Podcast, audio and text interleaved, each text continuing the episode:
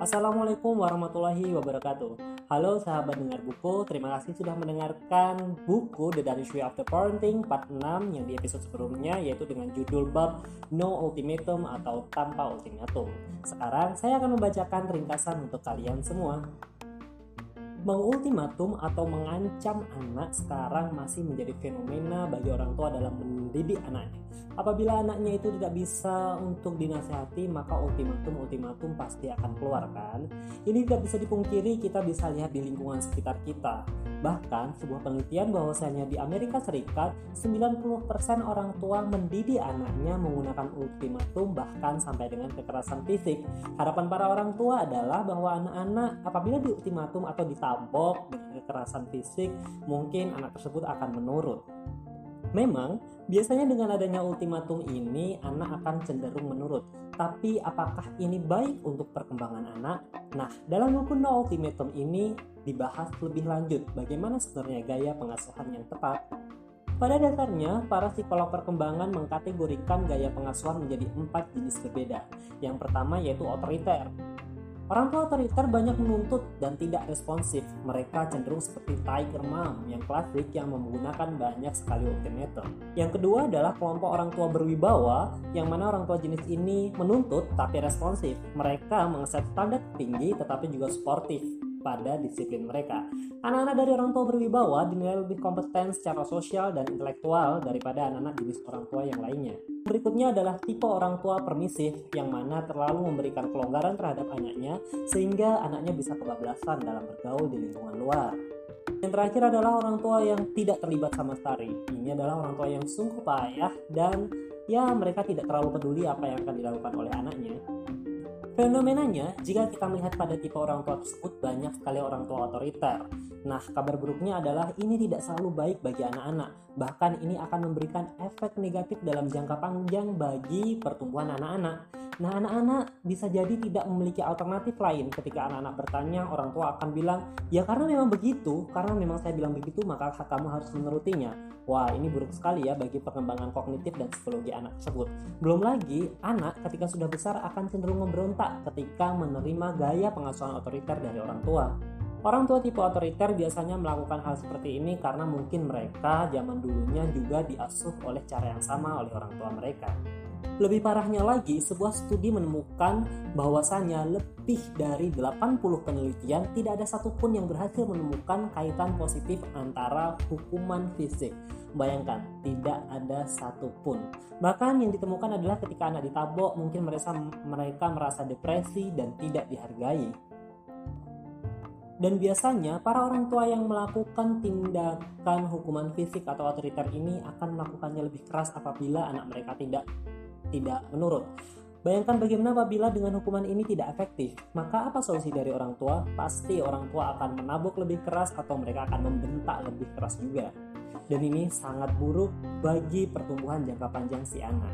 Dan bahkan bisa jadi muncul sebuah agresi atau perlawanan dari pola pengasuhan ini. Kemudian, bagaimana cara pengasuhan para orang tua di Denmark? Di Denmark, hukuman fisik menjadi ilegal pada tahun 1997 Kebanyakan orang tua Denmark menggunakan tabokat sebagai bentuk kedisiplin itu dipandang sangat aneh dan hampir tidak bisa dinalar. Di Swedia, ini dihapuskan lebih dahulu pada tahun 1979 dan sekarang lebih dari 32 negara termasuk banyak negara di Eropa, Costa Rica, Israel, Tunisia, dan Kenya mempunyai aturan yang serupa. Orang Denmark mempunyai gaya pengasuhan yang sangat demokratis dan bahkan mempunyai hal-hal positif dalam pengistilahan. Jika dalam bahasa Inggris, anak yang berumur 2 tahun itu disebut dengan terrible toes atau umur 2 tahun yang mengerikan, sedangkan dalam bahasa Denmark disebut salder atau usia pada ambang batas. Ini adalah sebuah contoh kecil bahwa orang tua di Denmark lebih mempunyai pandangan yang positif terhadap pertumbuhan anak-anak mereka. Tapi ini bukan berarti bahwa orang Denmark lembut dan lemah, tidak sama sekali. Tetapi ketegasan dan kebaikan bisa menggantikan kemarahan yang berlanjut kepada perbuat perebutan kuasa dan ultimatum. Menghindari sebuah ultimatum ini bisa menciptakan atmosfer yang lebih damai dan rasa aman, aman bagi keluarga. Kemudian bagaimana orang Denmark menerapkan no ultimatum dalam sekolah mereka? Di sekolah orang Denmark, mereka dibiasakan untuk memberikan atau membuat peraturan sendiri yang disepakati bersama oleh peserta kelas mereka. Dan kemudian mereka menyepakati konsekuensi-konsekuensi yang lebih kepada memberikan konsekuensi sosial daripada fisik. Nah, konsekuensi ini yang kemudian disepakati dan apabila ada yang melanggar, maka peserta kelas sendiri yang akan secara otomatis mengingatkan untuk mematuhi konsekuensi tersebut. Juga, sekolah dilengkapi dengan fidget set atau perangkat mengatasi geliah, gelisah, dan cuddle things, sesuatu untuk dipeluk untuk anak-anak yang sulit duduk diam yang bisa mengganggu temannya. Jadi, tinggal tindakan preventif jauh lebih penting daripada tindakan-tindakan yang lebih memberikan kepada kekerasan fisik. Nah, bagaimana kita bisa mempraktikkan cara Denmark No Ultimatum? Yang pertama adalah siapkan cermin untuk diri Anda sendiri. Pikirkan sesuatu yang paling tidak disukai dikatakan kepada Anda, kemudian siapkan cermin. Bagaimana jika itu dikatakan kepada Anda? Pasti itu sangat menyakitkan, bukan? Yang kedua adalah berhenti khawatir pada apa yang dipikirkan orang lain. Biarkan saja apabila orang lain menganggap Anda orang tua yang tidak tegas. Ingat bahwa ketegasan itu bukan berarti melakukan kekerasan atau memberikan kata-kata negatif kepada anak, dan santailah dan ingatlah garis besarnya.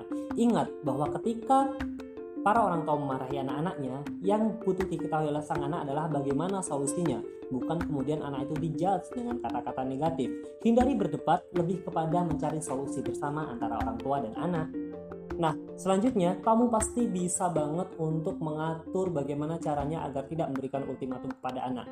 Penasaran kemudian bagaimana seharusnya tips-tipsnya lagi? Kamu bisa banget untuk mendengarkan di episode lengkapnya di episode sebelumnya yaitu tentang no ultimatum di bagian part 6 The Danish Way of the Parenting.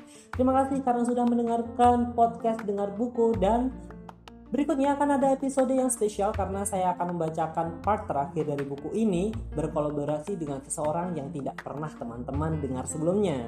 Baik, terima kasih sekali lagi. Sekian dari saya terlebih dahulu. Wassalamualaikum warahmatullahi wabarakatuh.